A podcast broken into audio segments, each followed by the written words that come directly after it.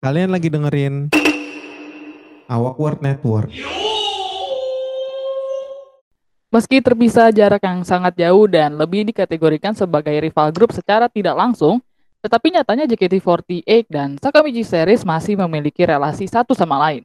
Mulai dari berada di bawah naungan total produser yang sama, hingga pasar penggemarnya yang tak jauh berbeda di Indonesia. Bahkan, tak sedikit member dari grup idola ibu kota ini juga mengemari Sakamichi Series. Untuk kalian menggemari kedua sisi kutub dari idol group Sultan Akimoto Yasushi, episode ini mungkin jadi episode yang sangat cocok untuk kalian. Inilah episode ke-8 46 Degrees Podcast. Let's meet at Sudirman Zaka.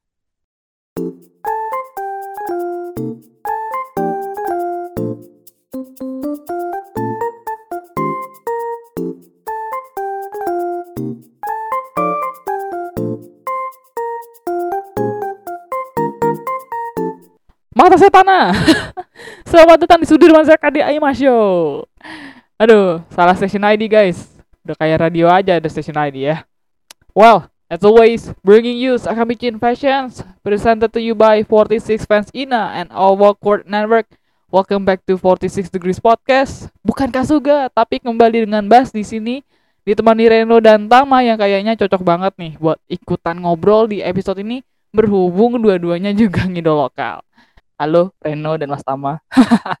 Apa kabarnya masih aktif ya ngidol lokal maupun Sakamichi? Kabar baik. Uh, akhir-akhir ini kalau gue udah mulai jarang sih. Mungkin Tama tuh kali itu yang masih aktif. Wah. Kabar gue juga baik juga. Hmm, terakhir kali gue teater sih paling kapan ya? Pertengahan Januari ini sih. Masih Itu baru sih. dong ya? Ya, iya. iya. Beberapa yang lalu dong lo. Iya. Berarti Iya. bisa dibilang masih cukup rutin ngidol lokal maupun Sakamichi ya? Iya. Uh, jadi itu uh, porsi antara Gido Sakamichi dan Patapan tuh masih seimbang. Gitu sih. Wah. Yin yang gitu ya. Iya, benar sekali. Tapi sebenarnya ini tipu-tipu aja dunia ini guys. Sebenarnya dua-duanya sama-sama masih ngidol lokal. Aduh. Oke. Em, topik hari ini seru banget karena kita bakal bahas hal yang sama-sama berhubungan dengan kita yang saat ini memang masih ngidol lokal. Kita bertiga di sini, gue Reno dan juga Mas Tama dan juga ngidol Sakamichi. Tapi sebelum kita bahas lebih jauh soal Sudirman Zaka 46 ini, kayaknya kita harus mundur sedikit untuk melihat kembali sejarah dan relasi dari JKT48 dengan Sakamichi. Tapi sebelum kita lanjut ke segmen selanjutnya, ada yang mau lewat sebentar nih. Coba kita dengerin. Eits, sebelum kalian dengerin lebih lanjut, jangan lupa follow dulu akun Twitter kita at 46fansina dan at Network.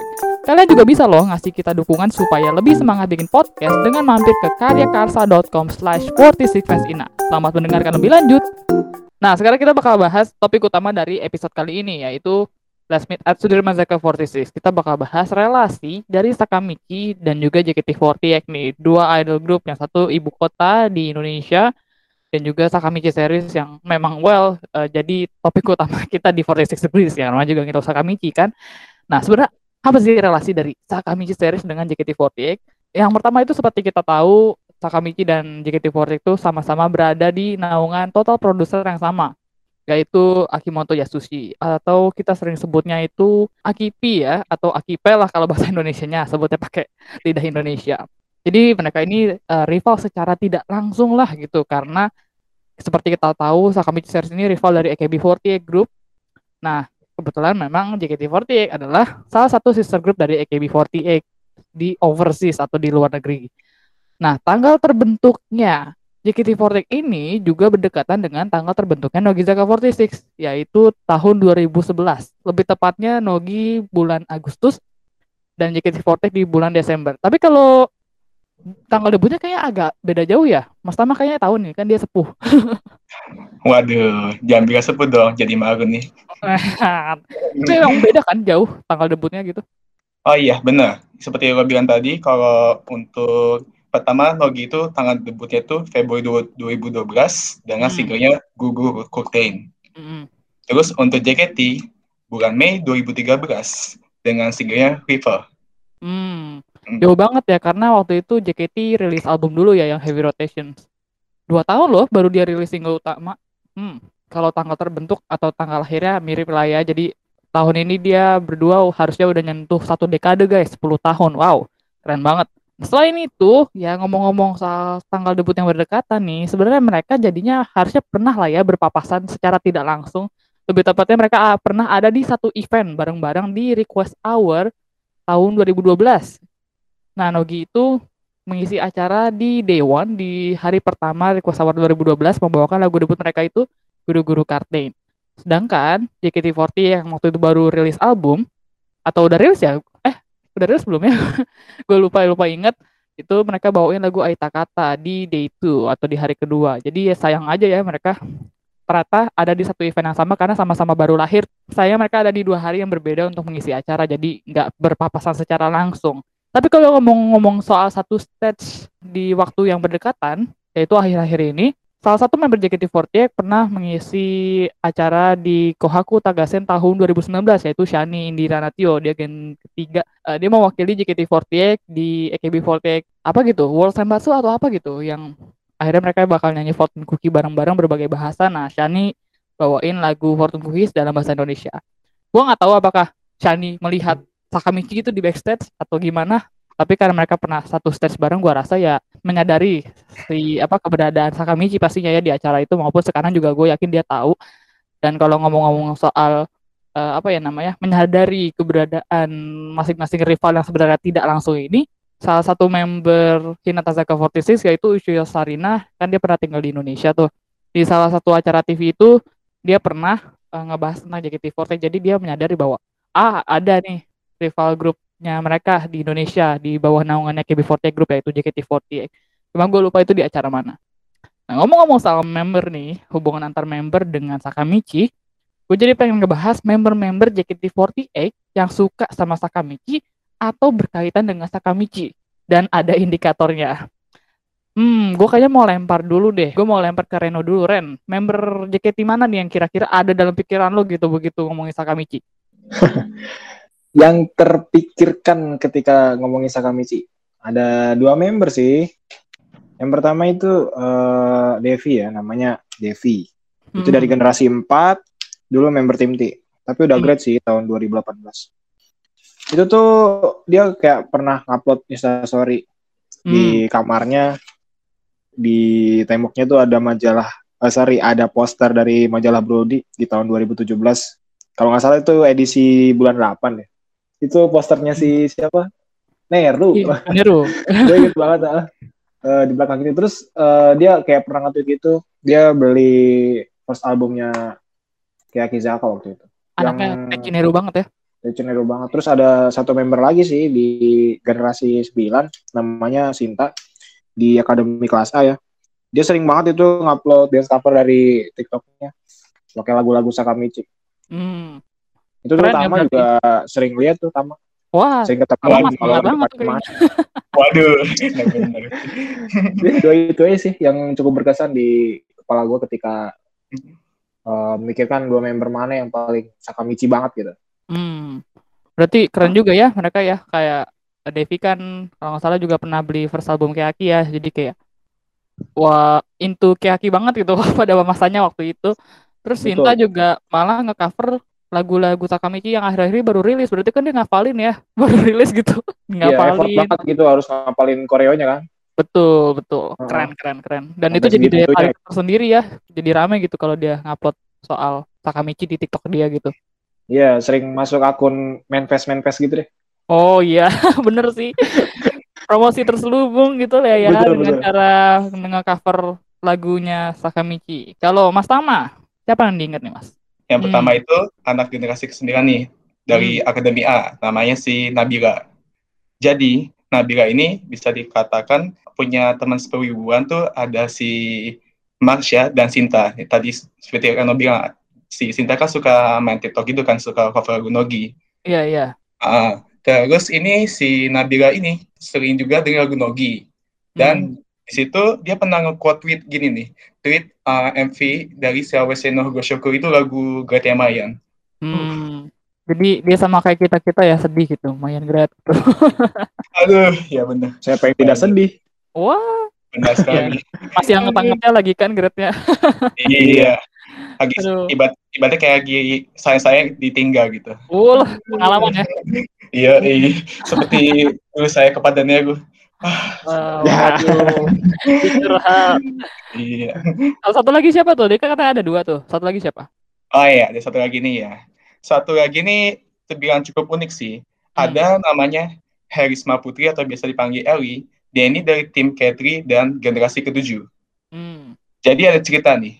Dia tuh pernah upload dengan hashtag Serenade Eli. Dia kayak macam rekomendasi lagu gitu. Salah satunya itu lagu Karemichiwa, lagu Gatanase dong. Hmm. Pada demen ya lagu-lagu grade. iya. Dan juga ada, ada kejadian yang cukup lucu juga sih. Pada tahun 2019 gitu, kan member-member Kathy kan lagi latihan buah sikus gitu kan. Hmm. Nah, Anastasia Te- Teti ini juga temannya di Ellie ini dia dari tim Katri juga pernah ngupload foto. Nah, kita perhatikan di dalam foto itu ada si Ellie tuh mirip banget kayak Asuka gitu. Jadi bisa Oh dibilang iya iya itu.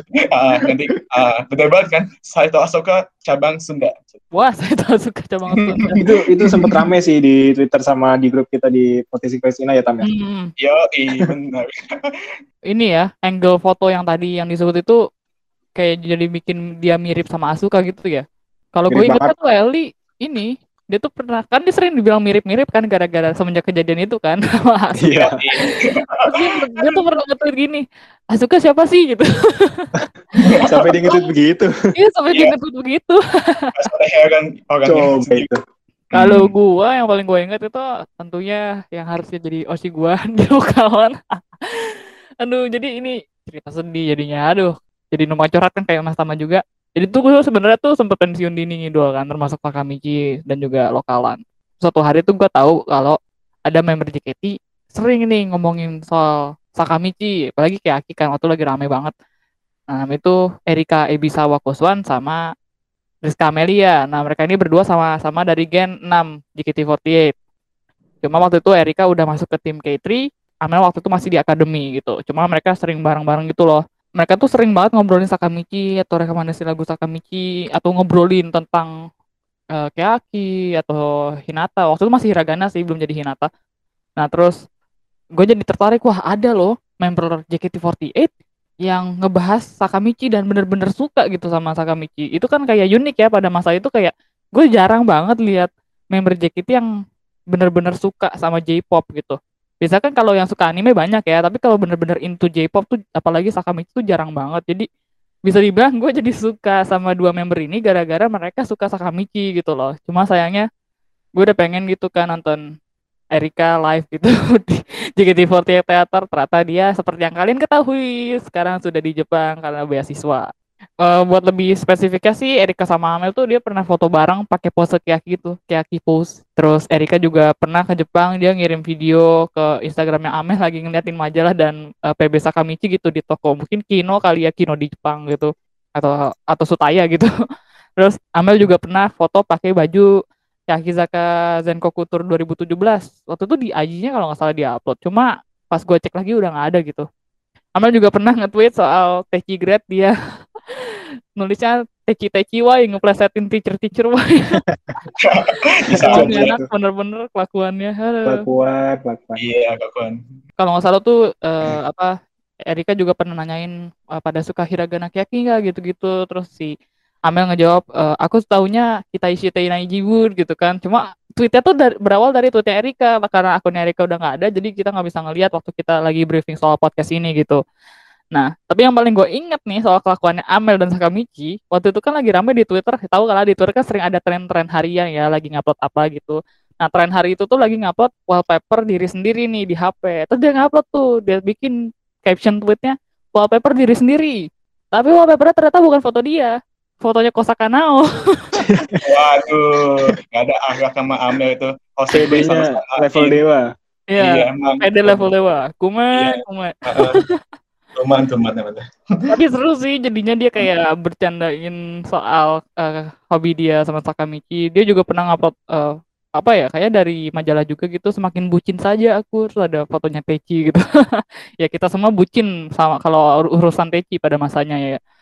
Kalau akhir-akhir ini sih dia malah barusan banget ngupload lagu dari Spotify tahu kan yang direkomenin masuk di tweet gitu dia dengerin Hiraishin favorit kita semua itu Hiraishin ya ada satu lagi yang menarik perhatian gue yang sempat kita bahas juga di episode sebelumnya yaitu Feby Komaril. Dia dulu memang eh, mantan idol dance cover Kyakizaka gitu guys. Jadi udah gak asing lagi lah mungkin buat teman-teman yang suka sama Sakamichi gitu.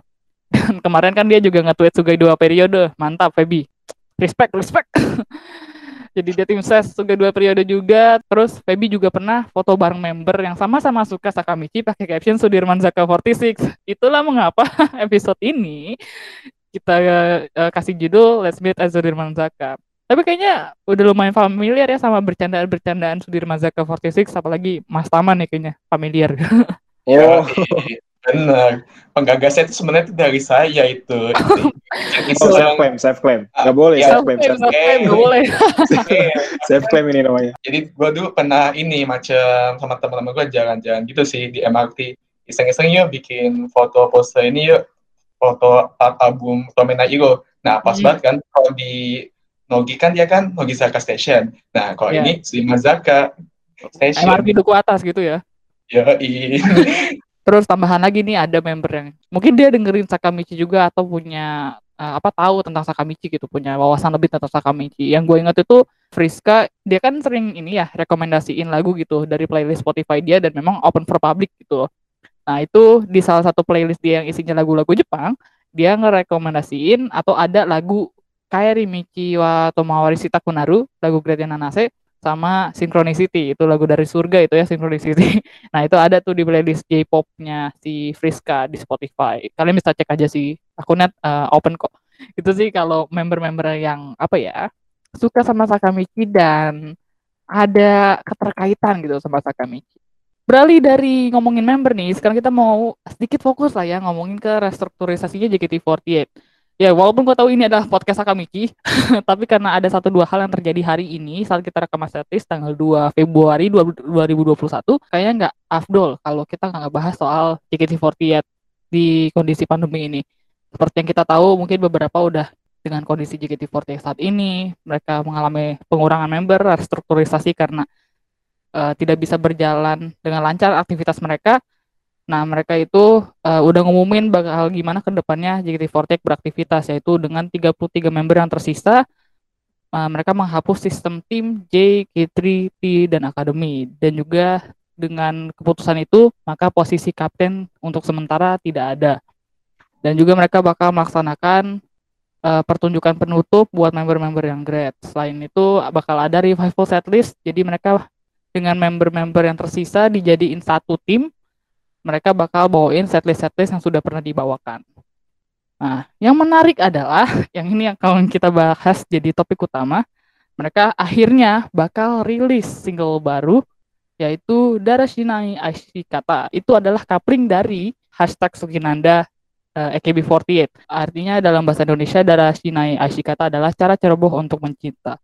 Nah, banyak yang bilang bahkan sebelum diumumin lagu ini bakal dipakai sama JKT, banyak fans yang berpendapat bahwa lagu ini tuh mirip vibes-nya sama lagu-lagu Sakamichi. Tapi apakah benar vibes-nya mirip? gue pengen menilik sedikit tentang orang-orang yang ada di belakang lagu ini, mulai dari MV, eh, koreografer dan juga komposernya. Gue bakal bahas pertama dari komposernya dulu dong. Lagu itu tersendiri dikomposing sama Furukawa Takahiro.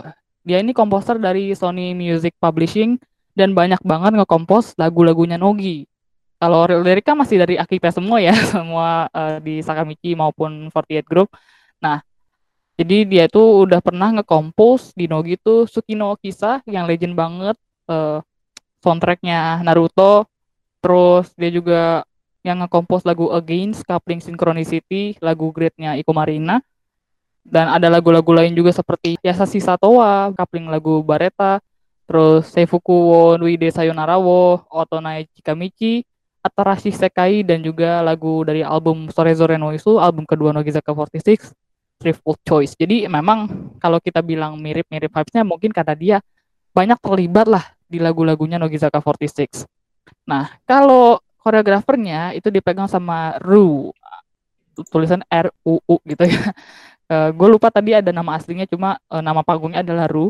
Dan pas gue cek di website dia, dia punya website yang isinya portofolio gitulah ya. Si koreografernya ini adalah yang bikin koreografi dari Hatsuko Idor itu lagunya Sakamichi AKB yang senternya Yamashita Mizuki. Dia juga yang bikin koreografi untuk single No Way Man dan juga koreografi dari lagu Aizuan Vampire itu masih baru banget. Jadi memang masih ada hubungannya dengan Sakamichi. Kalau MV directornya ini lebih menarik lagi. Jadi MV directornya ini banyak banget berhubungan dengan Hinata Zaka 46 yaitu Taniyama Tsuyoshi.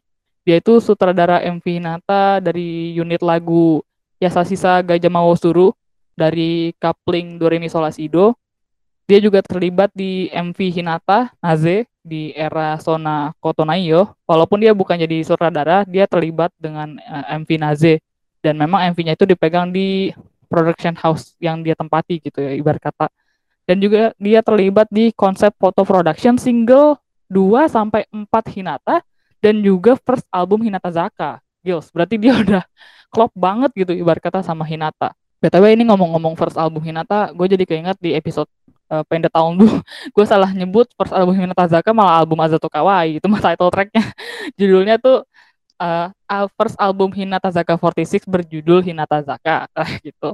Jadi bisa dibilang kalau ada yang bilang, ah ini agak mirip sama Five Sakamichi ya nggak salah juga sih masih make sense gitu karena memang orang-orang di belakang yang bekerja di lagu Darashinai Ashikata ini memang banyak terlibat dengan Sakamichi series. Tapi gue jadi pengen dengerin pendapat dari Reno. Menurut lu memang mirip gak sih vibesnya sama Sakamichi lagu Darashinai Ashikata ini? Ya setelah gue dengerin dan nonton MV-nya sih emang mirip sih. Emang Sakamichi vibes banget gitu. Hmm. Lagu ini tuh. Uh, uh, apalagi tuh MV-nya tuh kayak nggak kayak lagu EKB pada umumnya gitu yang ceria hmm. gitu. Sakamichi Agak dark gitu. gitu ya? Iya, tuh. Hmm, kalau menurut gue sih untuk lagu Darasina Kata ini, gue setuju sama Reno sih, mirip kayak Five Seconds Michi dan agak dark gitu sih. Di MV-nya itu ya mirip kayak apa ya, one shotnya awal-awal tuh kayak one shotnya lu tau kan das kue Hisuji kan awal-awal ah, tuh kan. iya benar benar benar. Nah bisa dibilang emang kalau dari lagu juga kalau kita bahas dari segi itu juga lagunya agak macam-macam kue Hisuji kayak macam apa ya lagu agak uh, menyedihkan gitu tapi emang bisa dibilang mirip banget sih gitu aja sih. Hmm memang vibesnya Sakamichi banget ya. Kalau hmm, gue lihat dari reply-replynya tuh lebih ke Five Sekiyaki gitu. Gue juga waktu lihat MV-nya tuh dulu sebelum pengumuman ini gue ngerasa gue tuh kayak dejavu sama MV yang eksentrik gitu karena juga mirip kan. Terus waktu tadi diumumin single yang akan datang adalah Darashina itu gue kayak langsung mikir wah akhirnya gue punya bayangan Sudirman Zakar nih kayak gini oh. gitu. iya benar benar benar katakan uh, lagu JKT kan memang dari kebanyakan dari lagu EKB yang ceria-ceria gitu kan. Iya, betul. Ini bakal jadi warna baru sih buat mereka kan. Sakamichi vibes gitu kan. Ini bakal betul, penasaran ya. banget sih gue kayak gimana gitu susunan member dan MV versi JKT-nya gitu. Oh iya bener-bener. Nah, itu. Dark hmm. banget gitu kan. Terus one shot iya, gitu kan? awal-awal iya. jadi kayak penasaran nih bakal gimana versinya JKT dibikin dark gitu. Jarang-jarang kita lihat konsep MV-nya JKT dark gitu. Bagi ah ada bagian kayak nyanyi cepet gitu kan Sakamichi banget gitu kayaknya. Betul, betul. Betul, betul. Setahu gua sih yang dari apa tuh di bagian dari sinasi kata tuh kayak macam apa ya? Kayak kalau tahu lagu Seka ini kan dia kayak macam baca monolog gitu kan. Hmm. Ada juga MV-nya. Kayak mungkin baru pertama kali ya untuk JKT bawain lagu uh, singlenya dari Coping Song itu biasa kan gue tau sendiri oh, kan. Oh iya benar benar. Uh, gue kepikiran itu. Iya ya. Fun fact nih, fun fact. Fun fact, iya ini baru pertama kali loh JKT bawain Coping Stone jadiin main single dia gitu. Sama gue juga setuju sama pendapat Rano. Gue juga penasaran sih. Uh, gimana nanti susah member ya. Terus kedua itu MV-nya bakal gimana nih? Kan biasanya hmm. kan seperti kita tahu kan JKT itu kan lagunya kan kalau nggak cool juga ada beberapa lagu ceria gitu. Ini bakal sedang apa ini MV-nya? Gue penasaran Wah, juga sih. Karena biasanya lagunya idol banget gitu ya. Sekarang nih kayak dark gitu yang emang MV-nya tuh gue rasa diturunin tuh brightness-nya. Tapi bener sih gue jadi kayak wah ini kalau kalian banyak yang ngomongin soal Sudirman Zaka Sudirman Zaka ini adalah bayangan yang tepat kayak gimana Sudirman Zaka 46. Iya bener juga kan udah kagak ada tim ya kan. Iya. Terus apa namanya lagunya udah generasi. Sakamichi banget ya kan? Iya bener. Makanya. Udah. Apakah ini sebuah peralihan? Oh, Waduh, buat teman-teman yang memiliki bayangan Shani jadi center eksentrik, nah ini kayak gini bentuknya. Waduh. bercanda, bercanda, bercanda. Sudah estetik Sani. Aduh. Tapi siapa pun santarnya, siapa pun susunan senbatsunya, gue juga penasaran banget sih bakal gimana mereka bawain lagu yang jarang banget vibes-nya dibawain sama mereka. Dan bener sih, gue setuju banget. Dari lagunya aja, itu tuh kayaknya pusing tuh nge-translate ya kayak gimana dalam bahasa Indonesia. Semoga translation-nya tetap bagus ya guys, jadi bisa kita nikmati dengan jelas gitu. Nah sekarang kita jadi tahu nih ternyata AKB48 Group maupun Sakamichi Group nih masih terkait nih satu sama lain. Nah gue jadi pengen nyinggung sedikit. Sebenarnya menurut kalian penting gak sih idol lokal atau JKT48 itu punya wawasan lebih soal 48, 46 Group atau 48 Sakamichi Group? Dimulai dari Reno kali Ren. Menurut lo gimana Ren? Menurut gua kalau untuk member JKT punya wawasan 48 group itu penting. Kalau 48 group itu penting. Karena Hmm. apa? Karena ya setidaknya lu tahu lah struktur perusahaan tempat di mana lu bekerja gitu. Ya bener sih. Setuju setuju. Yang kedua eh, lagu-lagu dari 48 group kan eh lagu-lagu dari JKT kan kebanyakan ngambil dari 48 group ya. Yes. Hmm. Ya setidaknya mereka tahu lah sebagai bahan pembelajaran buat mereka kan. Dari lagu, dari koreo, cara promosi dan lain-lain. Kemudian eh, untuk Sakamichi ya mereka cukup tahu aja lah gitu sebagai pembelajaran karena dari sistem aja udah beda gitu jadi mungkin agak sulit kan. Ya gimana caranya bisa sukses dengan sistem berbeda itu layak apa bisa dipelajari gitu. Eh, terus kan banyak nih member-member 46 yang sukses di luar konteksnya sebagai idol. Contohnya Maichun, contohnya Mayan gitu dalam dunia model gitu. Itu bisa jadi apa ya panutan lah bahasanya. Bisa jadi role model gitu. Gimana caranya menjadi seorang idol yang sukses gitu. Kemudian kalau mereka tahu tentang wawasan 48 dan 46 group itu jadi nilai tambah tersendiri sih untuk member tersebut. Eh, ya kayak lu aja gitu ngeliat Sarina tahu UI bangga kan Iya itu bener bakal bener jadi bener.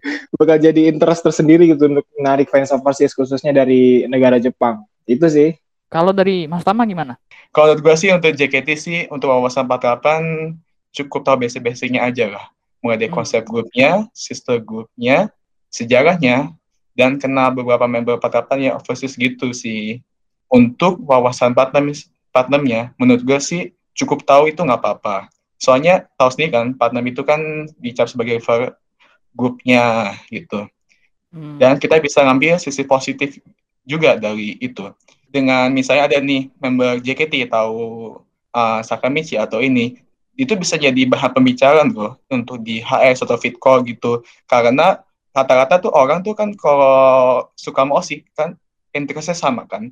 Jadi itu Iya. bisa kayak macam apa ya? Ada yang bisa dibicarain bareng-bareng gitu lah ya.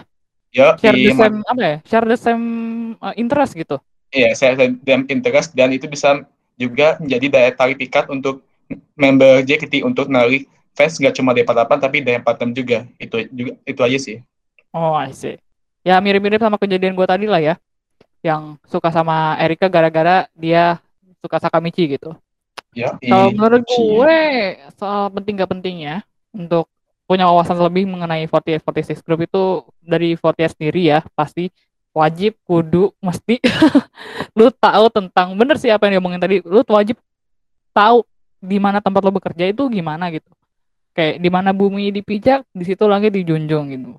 Alangkah baiknya kalau apa ya mereka punya wawasan lebih mengenai grup lain kayak dijadiin contoh jadiin role model dan ya bener sih kata Reno menarik fans dari luar juga. Fansnya BNK atau fans MNL fans AKB dari Jepang gitu misalnya. Wah ya ada member JKT yang suka loh. Atau deket loh sama member dari overseas group lainnya. Bener kata Reno kayak ibarat kata kita lihat Sarina lah. Bawa-bawa Indonesia kita kan pasti. sekarang sehinata bawa-bawa Indonesia kan? Oh iya Sarina Yo, bawa eh. Indonesia. Itu jadi jokes rutin itu gamelan bol itu. Jadi gitu. bener-bener kayak fans luar kan eh, ngelihat member JKT interaksi sama overseas lain atau tahu lebih tentang sister groupnya pasti seneng. Kayak misal member MNL nge-cover Rhapsody kita seneng kan? Gitu loh. Jadi kayak eh, alangkah baiknya kalau mereka juga sama-sama saling berinteraksi dan tahu tentang 48 group itu sendiri. Jadi wajib harus tahu tentang kondisi kantornya mereka tuh kayak gimana. Kalau Sakamichi ya nice to know aja gitu ibarat kata akan jauh di jauh lebih baik kalau lo tahu tentang oh ini loh rivalnya 48 Group gitu loh. Tapi ya nggak tahu pun nggak apa-apa karena memang nggak wajib juga gitu. Bakal jadi nilai lebih lah, bakal jadi poin plus buat member yang tahu tentang rival group Sakamichi ini gitu. Misal kayak gue tadi kejadiannya, gue suka sama Erika gara-gara Erika uh, suka sama Sakamichi gitu. Dan bisa jadi role model juga bener kata Reno tadi. Oh, Sakamichi tuh begini loh. Oh, dance-nya keren gitu. Gue jadi pengen nyobain kayak Shinta. Siapa tahu dengan cara dia nge-cover dance Sakamichi dia jadi lebih nambah gitu, improve skillnya gitu. Jadi ya ada baiknya juga sih gue rasa mengetahui tentang Sakamichi dan pastinya kan fans-fans JKT kan banyak yang fans J-pop juga ya ibarat kata jadi kayak wah jarang kan kalian ngelihat member JKT suka J-pop gitu bakal jadi daya tarik tersendiri gitu ngomong-ngomong soal member uh, dan penting atau tidaknya wawasan rival dari 48 46 ini gue jadi pengen improve satu topik yang sebenarnya belum kita rundingin ini antar host uh, untuk dibahas di podcast ini karena kemarin gue lihat waktu kita ngasih teaser di Twitter ada yang berharap uh, dan gue rasa emang ini jadi topik di kalangan apa ya fanbase regional di Indonesia sendiri gitu. Kira-kira menurut kalian nih ada nggak sih kemungkinan Sakamichi Series bakal punya overseas sister group entah itu di Indonesia ataupun di negara lain. Dan kalaupun itu ternyata memungkinkan untuk terjadi kalian bakal setuju atau enggak dengan kondisi sekarang gitu loh. Sakamichi kan lagi gede-gedenya. Dari Mas Tama coba.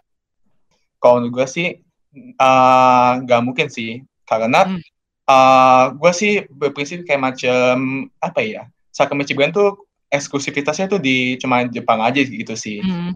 dan kalau gue lihat juga sih kalau secara pasar gitu takutnya misal kalau Sakamichi itu buka overseas misalnya di negara lain kayak macam 48 gitu ibaratnya kayak macam bukan minggu juga sih ibarat kayak sama dong kayak 48 bukan cabang-cabang juga dong gitu. Nah kalau tadi kan dari Mas Tama nih sekarang dari Reno Ren. Kalau menurut lo lo ini gak sih setuju gak sih ada overseas Sakamichi gitu terutama di Indonesia sendiri gitu kalau dari gua pribadi gua nggak setuju karena apa ya biar aja lah Sakamichi itu eksklusif di Jepang hmm. karena kan di Indonesia sendiri pasarnya itu susah lah ya untuk seorang apa seorang idol berkarir gitu. Hmm. Bahasanya di sini tuh musisi-musisi macam idol gitu sangat jarang gitu. Jadi yeah. memang pasarnya belum ada. Lagian juga Sakamichi kan kulturnya dari nama tanjakan. Kalau yeah. di Indonesia ada tanjakan apaan? Cipularang, Cipularang. Cipularang Zaka. Ngadi-ngadi aja loh, Bas. Fotonya di tol. Fotonya di tol. MV-nya di itu bahu jalan ya, lagi Wah. nunggu mobil derek. Eh tapi Cipularang bagus loh, dia sambil nanjak ada jembatan ntar kayak ini kayak MV Sakaini wa Shikanai gitu. Estetik ya. sawah, iya. Aduh. Lagian kalau MV Sakaini wa Shikanai kan naik sepeda. Kalau di Indonesia emang bisa naik sepeda di jalan tol. Aduh, ntar malah tabrak ya bahaya. Tapi ini gak sih menurut lo kan apa ya semenjak JKT ada di sini gitu ya bisa kita bilang waktu itu emang J-pop lagi rame-ramenya juga kita kan jadi ketiban duren gitu ya jadi kayak ketumpahan rezeki gitu disamperin sama artis-artis J-pop yang lebih percaya gitu untuk apa ya datang ke Indonesia karena ada fans J-pop apalagi Forte Group sendiri kita tahu AKB jadi lebih yakin untuk datang ke sini karena ya ada JKT48 nah kalian nggak pengen apa gitu? Ada Sakabichi series gitu? Sudirman Saka gitu. Terus tiba-tiba didatengin kita sama Hinata gitu. Ya ya kayaknya agak susah sih ya dengan kondisi yang sekarang. J-pop lagi belum booming banget gitu dibanding ah. dulu. Tapi yang nggak ada yang nggak mungkin sih. Ya nggak ada yang nggak mungkin sih. Benar-benar cuma kalau dari sisi pribadi jadi kalian berdua nggak ada yang setuju ya Enggak, aku tidak setuju. aku tidak setuju juga dengan itu. Tetap Aduh. eksklusivitas. Emang deh. Ah, elitis nih, pengen eksklusif nih. Puris. Puris. puris. Aduh. Anyways, kita bakal masuk ke topik penutup dari episode ini dan pastinya kita tahu kondisi dari dunia ini lagi nggak baik-baik aja. Udah setahun kayaknya gue di rumah doang. gak bener-bener di rumah doang sih, cuma kayak udah lama banget gue nggak beraktivitas bahkan ketemu sama Reno atau masa-masa secara langsung ya kan karena pandemi dan pastinya Sabar, kondisi sabar. Sabar, sabar. dan pastinya kondisi pandemi ini juga cukup menyakitkan, cukup menyulitkan buat musisi-musisi termasuk untuk. Sakamiki Series dan juga JKT48. Jadi gimana nih menurut kalian? Apa harapan kalian buat Sakamiki Series ataupun JKT48 ke depannya? Dari Mas Tama kayaknya. Ah, harapan gue ya buat JKT, semoga grupnya itu bangkit dari keterpurukan ini. Terus fansnya juga solid, dan jangan bubar dulu lah sebelum satu dekade gue pengen lagi HS, teater, two shot, dan lain gitu. Dan semoga tahun 2021 nih, EKB bisa dari sini, semoga. Soalnya Walaupun kondisinya lagi kayak gini ya. Iya, tapi lo tahu sendiri kan ada semacam siklus tiga tahun 2012, 15, 2018, dan 2021 gitu. Amin Mm-mm. ya, amin gitu. Amin dah. Ah, nah, untuk harapan ke Patnam nih gue, per grup sih nggak apa-apa ya. Nggak apa-apa, nggak apa-apa. Ah, jadi gini, harapan gue nih ke grup pertama nih buat Hinata nih, personal nih ke SNF. Kayak mau marah-marah. Apalagi. Hmm. Ini padahal udah episode santai gitu, tiba-tiba ada yang marah-marah. Iya. apa, apa, apa. Ah, untuk OSI gue nih, now, tolong diganti ya SNF. Di, dia udah center empat kali berturut-turut. Masih banyak kok yang cocok jadi center selain dia. Macam Miku, Kyoko. Semoga dapat single baru juga sih, gue penasaran juga sih. Single Hinata tuh next-nya bakal gimana sih. Dan Hmm. the most important thing, Sarina tuh udah promosi Indonesia loh. Tolong notice SNF. Semoga ada konser Hinata di Indonesia. Amin. Oh, amin. Di Natalis UI ke 71 nggak mau ngundang Sarina. Oh, ngarep ngarep kom. Iya. Ampun Bapak Rektor enggak, saya bercanda aja.